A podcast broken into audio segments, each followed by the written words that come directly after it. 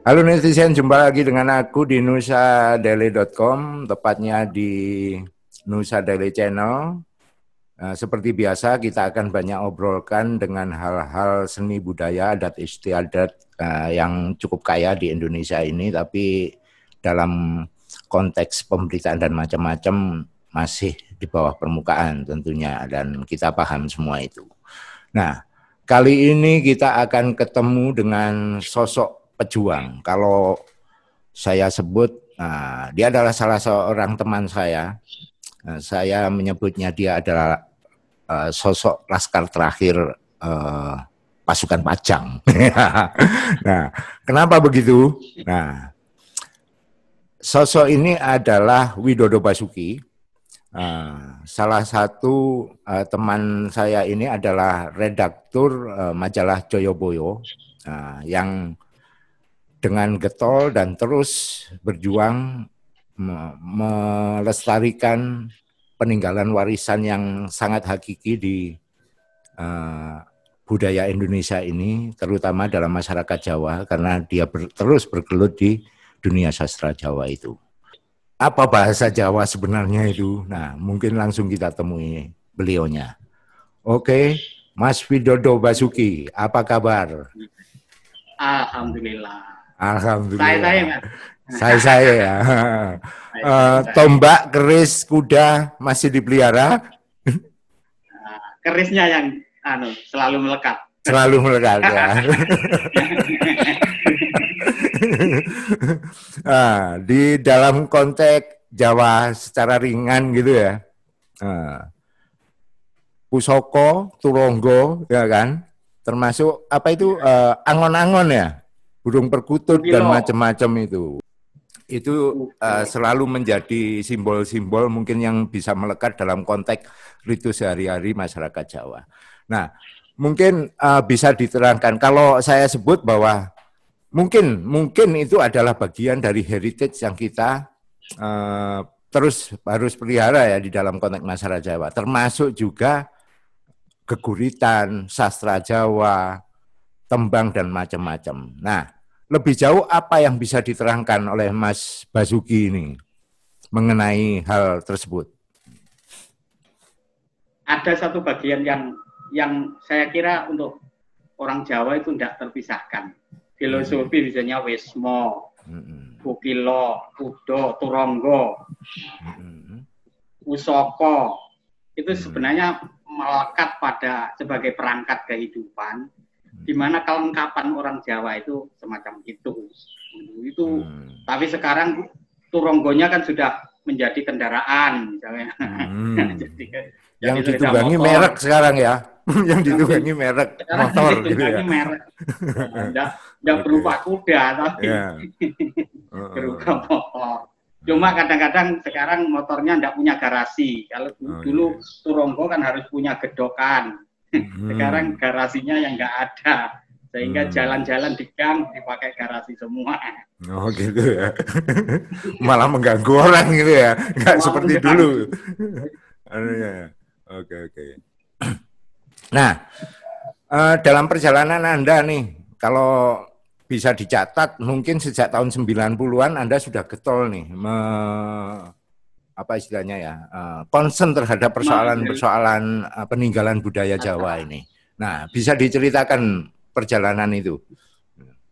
Sebenarnya saya mulai kecil memang terdidik dengan kondisi dalam di, istilah Jawa diwelek budaya hmm. Jawa sehingga hmm. tiap hari kita juga apa apalagi saya kan di desa di Trenggalek di desa Tawing Munjungan itu desa banget wis sehingga tradisi-tradisi Jawa, mulai uh, mbah saya yang selalu membantu sebagai dukun bayi, misalnya tata cara-tata cara Jawa, ayah saya yang pegawai negeri tapi 70% sebagai petani tiap sebelum ke sekolah itu pagi-pagi jam 5 sudah ke sawah. Saya ikut garu, ikut meluku dan tradisi-tradisi yang yang uh, seperti itu itu menjadi wacana yang mem, me, membawa saya untuk terus merasa ini se sebuah bagian yang tidak terpisahkan dari masyarakat Jawa sehingga perlu istilahnya dileluri. Nah kebetulan pada waktu itu kan kita juga punya langganan majalah berbahasa Jawa. Sehingga tiap hari kita juga membaca dengan bahasa itu tanpa tanpa harus kita belajar ejaannya gimana, yang benar gimana, nulisnya gimana, tapi kita sudah mulai kecil sudah dalam tradisi yang seperti itu. Sehingga ketika di Surabaya saya masuk jurusan seni rupa, walaupun jurusan seni rupa tapi tetap tetap belajar dan sebagai penulis hmm. sastra Jawa. Saya masuk ke Surabaya tahun 86. Hmm. Hmm. 86. Okay. 86 ya. Hmm. Ya, 86. Okay. Tapi itu juga akhirnya menjadi penulis. Hmm. Penulis malah malah gak gambar gitu. Ya, ya. Ya, gambar, jadi gambar jadi yang kedua gitu ya. Iya, yang kedua. Soalnya nulis akhirnya dapat honor terus uh. bisa untuk anu untuk ngopi-ngopi. untuk untuk bayar kos kan gitu ya. Bayar kos. Kos saja tidak punya, kadang-kadang untuk bon-bonan. Ya, gitu ya. untuk bon-bonan makan. Oke, oke, oke. Oke, uh, di dalam konteks menjaga uh, tradisi ini, menjaga tradisi Jawa dalam dalam perspektifnya Mas Widodo ini seperti apa ya? Ada konsep kita sebenarnya tidak modern, seperti hmm. halnya petani dunia. Bagaimana kita nguri-uri tiap hari itu menjadi bagian, mulai dari mulai dari bahasa, terus apa yang terkait dengan budaya, tiap hari itu menjadi menjadi uh, jamuan kita istilahnya makanan kita karena saya kesehari-hari juga di media berbahasa Jawa sehingga budaya-budaya itu yang menjadi topik setiap hari yang dibicarakan kalau pelestarian saya kira eh, orang-orang kita orang-orang tradisi itu hanya mengandalkan bagaimana menguri-uri bagaimana tetap memakai bagaimana tetap sehingga ketika uh, kaitannya dengan bahasa Jawa misalnya, bahasa Jawa, itu keseharian kita juga harus berbahasa Jawa. Era sekarang kan sudah berbeda. Misalnya gini, anak-anak sekarang sudah membedakan misalnya uh, karena tidak dipakai. Hmm. Membedakan do dengan do misalnya tidak tahu. Wedi dengan wedi itu tidak bisa misalnya. Sehingga sama itu banyak. Opo loro dengan loro itu kan berbeda. Hmm. Teks-teks dalam bahasa Jawa itu perniknya macam-macam. Apabila uh, di Google Translate itu banyak yang tidak tahu, banyak yang tidak mengerti. Kalau bahasa Indonesia ke bahasa Inggrisnya bisa, tapi di bahasa Jawa itu menjadi pating blesat gak karu-karuan. Itu harus kita akui. Pada konteks ini saya lebih me, me, memposisikan sebagai uh, penjaga penjaga sastra dan budaya Jawa, uh, terutama melalui uh, sebagai penyair sastra Jawa atau penggurit, atau saya sebagai uh, red, uh, pemimpin redaksi di majalah berbahasa Jawa Joyoboyo. Itu sehingga itu yang yang menjadi konsumsi para penggemar atau para penggemar budaya Jawa melalui media ini terutama.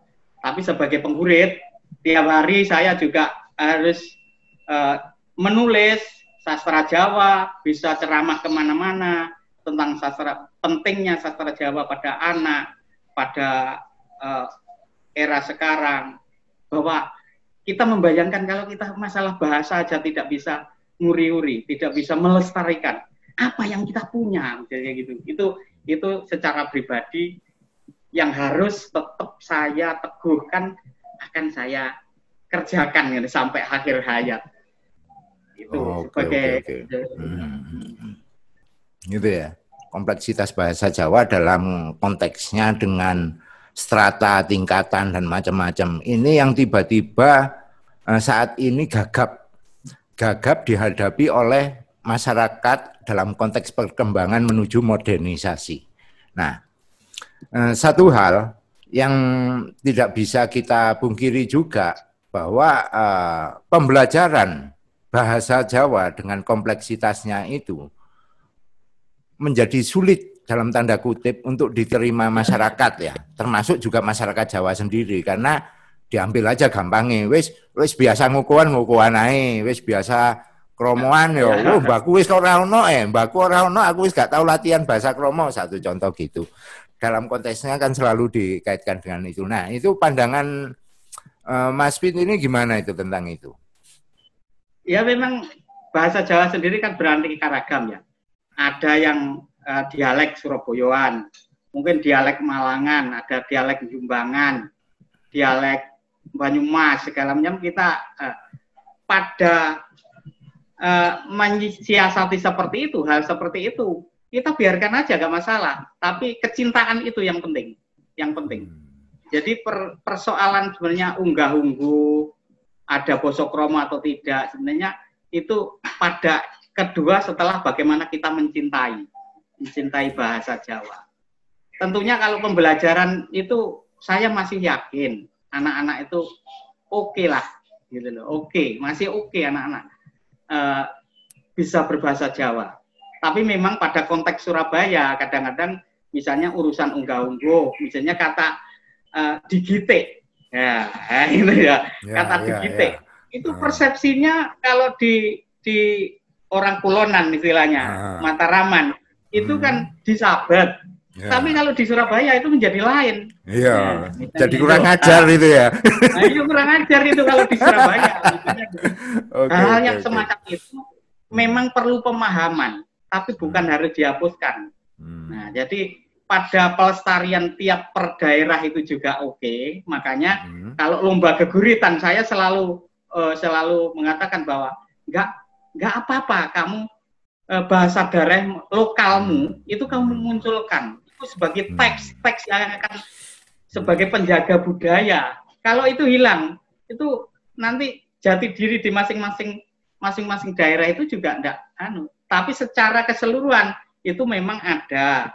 Misalnya di Jawa memakai standar umum ejaannya umum. Misalnya bahasa-bahasa yang bisa dipahami dan tidak menimbulkan uh, perbedaan seperti itu saya misalnya di media saya tidak akan pernah mengatakan ini digite hmm. misalnya okay, saya yeah. tidak akan disabet ah. gitu loh eh, sehingga yeah. tidak menimbulkan perbedaan itu itu hmm. perlu pemahaman ke siswa nah, sehingga hmm. tidak uh, dalam tek, konteks bahasa tidak ada kasar halus atau uh, atau senonoh atau tidak senonoh tapi bagaimana pemahaman pengeterapannya di di dalam konteks pembicaraan gitu. sehingga nggak perlu disalahkan. Anak-anak nanti takut. Aku aku gak wani bahasa Jawa gitu. Aku lebih kasar misalnya.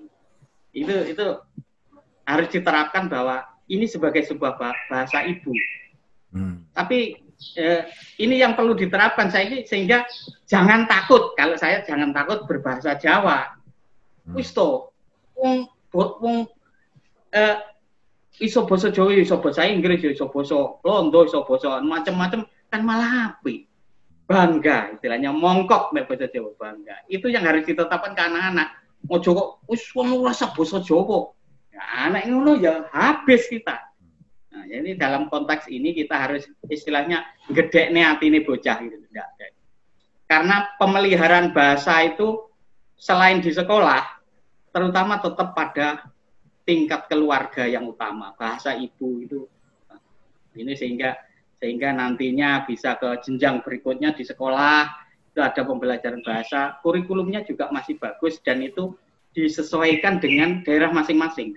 Sehingga kalau guru-guru itu bukan harus standar yang seperti yang pada kurikulum itu disesuaikan juga dengan budaya dan daerah masing-masing. sehingga oh, berbeda-beda. Oke, okay. uh, eh, dalam proses menjaga budaya sekarang. Sebenarnya ya kita sama-sama tahu lah, negara ini kan jarang hadir gitu mas ya, ya kan? Negara ini jarang hadir uh, di dalam konteks uh, bagaimana seni budaya itu di dijadikan aset di, di negeri ini, negara ini, ya kan? Ngono. Bahkan kadang-kadang pura-pura gak ru, gitu kan? Nah, gitu. nah, Apalagi terakhir Jawa. ini ya kan terakhir ini baru ada hmm. undang-undang ke, apa uh, apa istilahnya undang-undang pemajuan kebudayaan. Nah, konteksnya ini. Mungkin ini bisa dianggap sebagai um, sinyal cerah gitu ya dari sekian lamanya ketidakhadiran negara di dalam konteks ini. Pandangan Mas Dwi gimana ini? Uh, selama ini sebenarnya kan ya betul itu negara itu saja nih nguri-nguri apa enggak, ikut terlibat apa enggak. Kecuali kita yang selama ini eh, selama ini terus menerus bertahan. Misalnya di media berbahasa Jawa ini kan sebuah sebuah media yang langka itu saya sudah pernah mengusulkan dulu tiap perpustakaan sekolah itu berikanlah uh, berlangganan majalah misalnya ya yang berbahasa Jawa. Ternyata anak-anak itu banyak loh yang ke kantor anu mencari media berbahasa tugas-tugas dari gurunya. Daripada begitu, misalnya seluruh Jawa Timur Langganono, kita kan selama ini tidak ada dan dan uh, kehadiran negara di mana misalnya Padahal kita sudah jungkir walik untuk nguri-nguri seperti itu. Bahasa Jawa sendiri, bahasa daerah sendiri kan dalam undang-undang kan memperkaya bahasa nasional. Ya, ini kan sudah cukup jelas. Tapi nggak tahu apakah bahasa Indonesia sekarang itu sudah kaya gitu loh. Hmm. Sehingga kita kita itu sejarnoai, wis mati urip pokoknya gitu. Ya, kita hanya mengandalkan kesetiaan orang-orang yang berlangganan itu orang-orang yang yang yang benar-benar me, me, istilahnya meleluri sebagai laskar-laskar yang meleluri itu. Hmm. Sehingga pada era era pandemi semacam ini misalnya itu dia masih masih setia membaca, masih setia menulis, masih setia itu. Itu kesetiaan itu saja. Kita itu sebenarnya sebagai pelestari. Itu kan aneh kan, opo kehadiran negara itu di mana gitu. Padahal jari ini puncak-puncak kebudayaan adalah puncak budaya daerah. Allah di mana ya Allah gitu. Kadang-kadang kita berpikir gitu. Sehingga akhirnya balik ke diri sendiri. Nah, yang tetap harus eksis kita. Kalau saya simpel aja seperti itu, itu hmm. jadi laskar laskar terakhir. jadi laskar terakhir dari pejuang-pejuang budaya Jawa ya. Gitu. Oke. Okay. Uh, eh, sering dianggap gitu uh, apa pun bentuk hasil hasil budaya Jawa taruhlah yang kita bicarakan konteksnya ini pada konteks eksotiknya saja itu tiba-tiba yeah. wah ini gawe ukiran pakai huruf jono-jono kok orang hanya melihat konteks eksotiknya saja bahkan kalau saya juga amatin beberapa kebijakan-kebijakan uh, kegiatan yang berkaitan dengan konteks pelestarian itu uh, dilihatnya dari uh, dari konteks iya. semacam ya. itu. Nah, seharusnya seperti apa, Mas Wid? Gitu. Supaya uh, konteksnya bahwa ya oh jembek oh jembok delok eksotik itu ya, gitu loh. Ya kan? Gitu. Ya selama ini misalnya dari bahasa saya bahasa Jawa kan Kongres Bahasa Jawa aja sudah keenam. Tapi apa hasilnya? Gitu. Karena setelah dibicarakan sampai rumit segala macam itu sampai tetek bengeknya itu, tapi terakhirnya pengembangannya gimana? Konsep-konsep yang sudah dibicarakan begitu jauh itu tidak ada hasilnya. Soalnya setelah itu, setelah kongres ya sudah selesai pada tingkat itu. Tidak ada pengembangan selanjutnya bagaimana ke siswa, ke anak-anak, itu dari bagaimana mengembangkan sebuah bahasa ini sebagai sebuah sebuah uh, wadah budaya. Misalnya kaitannya kalau bahasa Jawa misalnya bagaimana dengan seni budaya teater, misalnya ada ketoprak, ada tembang, ada ludro, itu kan saling terkait, tidak. Nah, ini sebuah pemeliharaan bahasa, itu bahasa selain bahasa tulis juga bahasa bahasa-bahasa lisan itu begitu banyak. Di desa-desa orang-orang masih uh, berkembang uh, mengembangkan mocopatan itu kan hanya eksotisnya tadi yang dibutuhkan kadang-kadang wah ini untuk level pariwisata bisa dijual karena eksotisnya. Tapi kan gimana menghidupi mereka? Kita kita anu punya konsep negara itu. Sehingga seharusnya kan itu dikembangkan bagaimana ada titik balik itu. Itu teks-teks itu mengandung sebuah uh, uh, ke keluhuran yang patut sebenarnya seharusnya juga dikembangkan ya apa di era sekarang? Apakah sekedar oh, kita berpacu pada masa lalu yang begitu indah tek-tek lama? Pada era sekarang sebenarnya banyak itu yang dikaitkan dengan era sekarang. Ini ini yang yang kadang-kadang uh, iki konsepnya oh sih gitu. Itu yang yang yang dia kalau saya seharusnya itu dikembangkan. Setelah dibicarakan dia ada ada pengembangan lebih lanjut. Untuk workshop ke orang-orang itu dikumpulkan ke atau apa. Enggak kadang sering mandek. Apalagi ganti kebijakan. Coba ganti aja. mana ya? Hmm. ganti, ganti kebijakan mana? ganti lagi ya? Oke oke oke. ganti mana hmm. kalau pemerintah daerahnya misalnya kepala daerahnya seneng nanggap wayang. Wah pada daerahnya nanggap wayang terus nah, baru ganti nggak ada. Misalnya gitu hal-hal yang semacam itu kadang-kadang tergantung pe pemerintah kepala pemerintah daerah boleh senengan di dalang iki ya dalang iki tok di taman budaya misalnya iki ludruk ya ludruk iki tok. Padahal lain-lainnya kan juga banyak yang perlu di dan teks-teks misalnya ludruk kan tidak sekedar ludruk tapi itu sebuah budaya yang yang dikupas bagaimana kehidupan mereka apa filosofinya apa yang bisa dikembangkan pada pemberdayaan masyarakat. Segalanya itu kan itu kait terkait sebenarnya. Cuma masalahnya kita setelah itu biasanya ini dijual piano apa ya? Kalau ada misalnya ada acara itu baru itu diambil orangnya diambil setelahnya orang-orangnya bar ya bar gitu. Sehingga ya akan sampai di situ saja gitu. Hmm. Saya sering kok gerutuan wong daerah itu, Mas aku wis ngene, aku kon ngreok sampai ning Jawa Timur, makili Jawa Timur, bar ngono yo bar, misalnya gitu. Sehingga ini yang menjadi kecewa orang-orang tradisi itu. Ya mek dinggo nek ning gua nutok.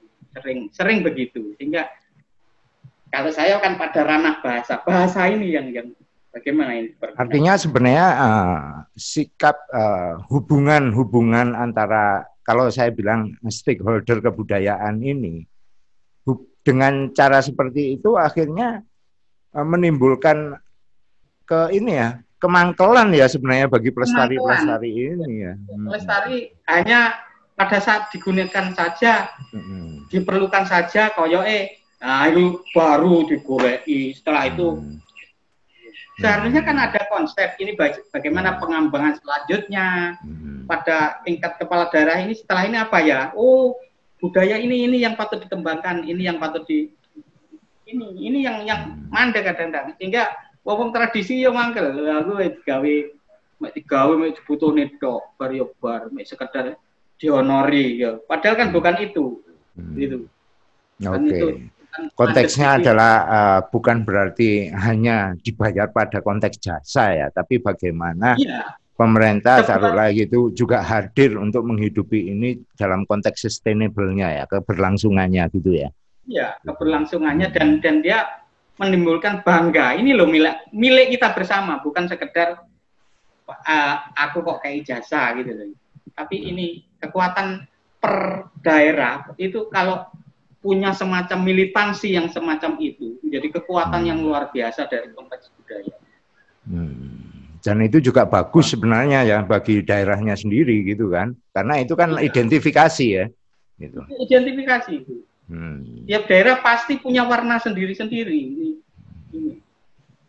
Nah, itulah keragaman yang sebenarnya dalam konteks kenegaraan Bhinneka Tunggal itu itu sederhana menerjemahkannya sebenarnya. Kalau ya. Kebudayaan ini dipelihara di masing-masing daerah, di masing-masing itu ya gitu ya. Tidak usah konsep besar, tapi yang kecil hmm. saja deh, di daerah hmm. masing-masing bagaimana pemeliharaannya. Hmm. Ini masih tarut marut, kita tidak punya konsep yang jelas tentang bagaimana memelihara tiap daerah masing-masing itu saja bingung kita. Itu yang nah, yang, yang bisa disarankan nih bagi mungkin yang melihat acara ini juga ke pemerintah dalam uh, pemikiran Mas Wid, eh, apa yang harusnya dilaksanakan? Gitu. Apa Ada yang harus dalam konteks ini? Ya, secara garis besarnya seperti apa yang harus di uh, para pemimpin harus berpikir tentang konsep keberlangsungan. Sehingga bukan hanya terbatas pada ketika saya menjabat. Ini ini yang yang anu. Jadi konsep besar ini misalnya budaya daerah Malang, bahasa-bahasa Malang. Ini hmm. arah selanjutnya apa? Itu harus kita punya konsep budaya gitu. Oh, wilayah Malang ini ini yang perlu dikembangkan. Jadi eh, bukan hanya apa pemimpin atau kepala daerah yang cinta karena persoalan itu, tapi punya konsep besar. Tiap daerah itu punya, mulai bahasa, mulai budaya, apa pun yang ada itu di eh, ada garis besar tentang budaya pemeliharaan bahasa baru setelah era dia itu bisa diteruskan lagi. Bukan hanya terhenti di situ. Kalau gitu kan tiap anu kan koyok diocak-ocak. Ini sama sebenarnya di Jawa Timur kan ya begitu. Pada waktu di anu ini pada waktu ini sudah hilang pengembangan yang mana gitu itu yang yang ada garis-garis itu ada konsep besar tentang tiap daerah menggali apa dan pengembangan apa dan kaitannya dengan misalnya dikaitkan dengan masyarakat ini pemberdayaannya gimana tidak sekedar tidak sekedar uh, terbatas pada wacana gitu. kadang-kadang kan banyak yang kita bicarakan tapi prakteknya kan ya apa itu kan nggak ada ya kan ini yang yang sering yang sering terlupa itu sehingga setelah itu gimana hmm. oke okay. kalau untuk bagi para pecinta bagi para pelaku dan bagi para pemelihara sendiri supaya nggak putus asa nih apa yang apa yang harus uh, yang bisa disampaikan oleh Mas Wid? Uh, saya ya nggak bisa punya konsep kecuali dari diri saya sendiri tentang kesetiaan itu tadi. Ini aja setia itu, ini saja. Tidak usah mengeluh. Untuk kita ya juga hidup dari situ gitu sehingga yang yang nguri-uri ya terus kita uri-uri gitu saja. Enggak, enggak usah. Enggak usah kecewa. Enggak, karena kesenian itu pada dasarnya kan enggak harus tergantung pada ini dapat jasa apa enggak. Oke. Okay. Tapi kan hmm. hati kita. Kesetiaan. Jadi jadi yang saya highlight adalah kalau kamu sudah berbicara dalam konteks budaya dan seni dan tradisi, ya kan? Nah, hmm. yang penting adalah mencintai itu ya mencintai ah, oke okay. ternyata kata cinta itu menarik banget nah mungkin terakhir ini ada nggak nih keguritan tentang cinta nih nah bisa disampaikan nih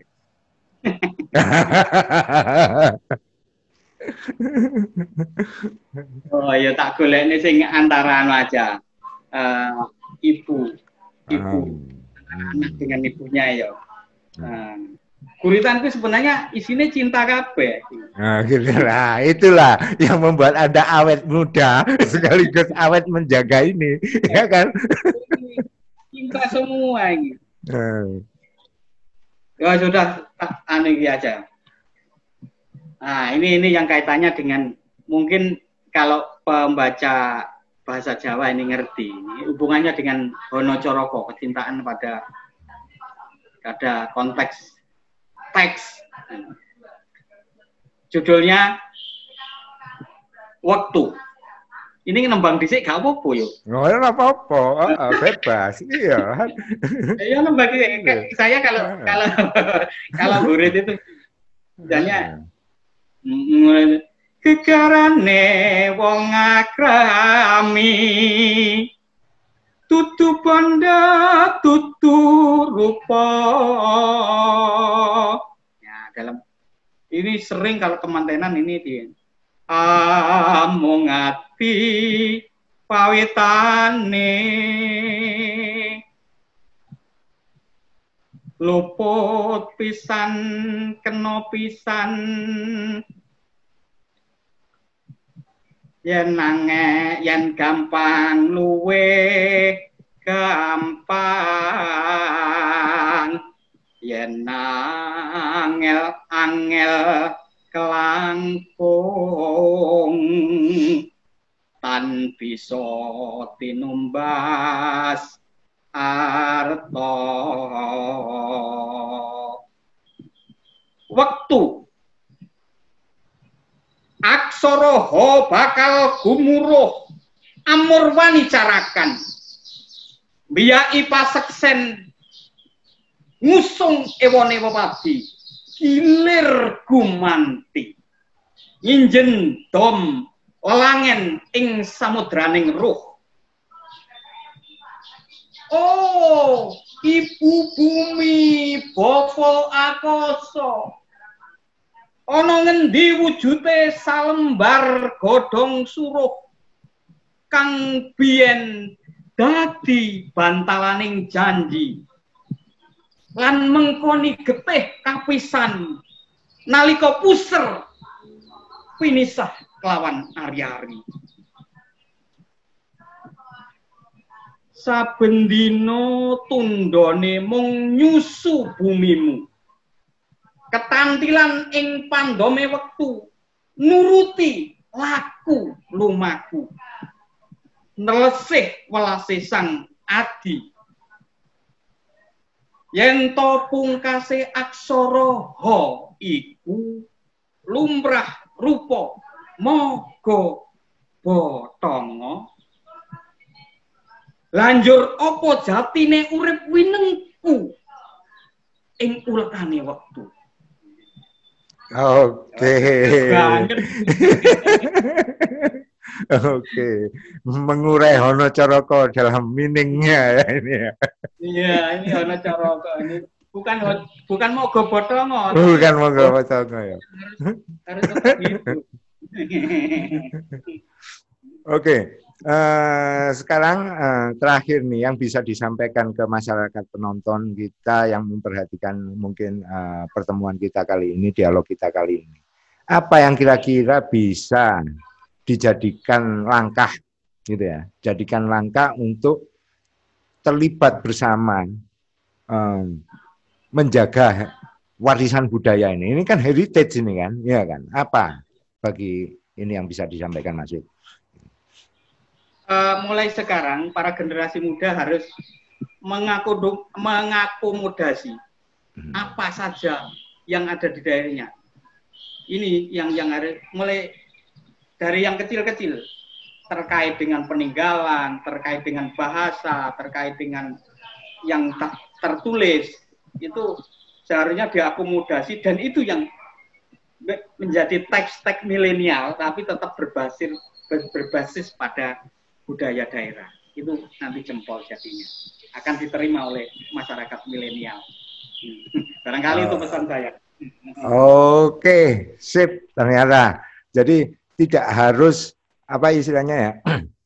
Eh, tidak harus apa yang ada itu kita letakkan. Tapi sebenarnya dalam konteks bahasa ini kita bisa mengambil spiritnya untuk diterjemahkan di dalam konteks kekinian ya.